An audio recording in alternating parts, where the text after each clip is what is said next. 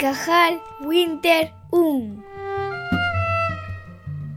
Me llamo José Abad Rodríguez y trabajo en el Hospital Nacional de Parapléjicos. Eh, soy químico de formación, así que bueno, eh, me, he tenido que readaptar a la, neurociencia y lo que hacemos básicamente, en el, como casi todos los grupos de investigación del hospital, es dedicarnos a estudiar cómo regenerar o cómo mejorar la, lesión medular y las lesiones en el sistema nervioso central, así en general. En nuestro caso, nosotros lo que estudiamos es la membrana de las neuronas y cómo la organización de esa membrana se ve afectada cuando hay una lesión en la médula o bien en, o en el cerebro,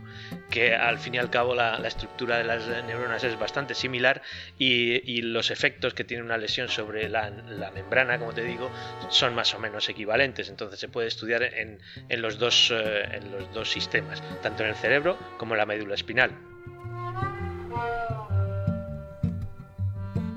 Lo que estamos intentando ver es cómo reparar la organización de la membrana de las, eh, de las neuronas, sobre todo de los axones, para que estos axones vuelvan a crecer después de que se rompen. Esto implica desde trabajar con distintos tipos de moléculas como pueden ser los, lípidos que componen la membrana,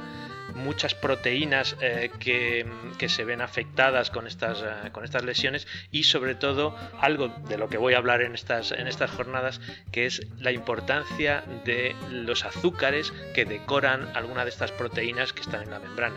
y que queremos manipular para precisamente conseguir nuestros, nuestros objetivos, que son reparar esa membrana en, general.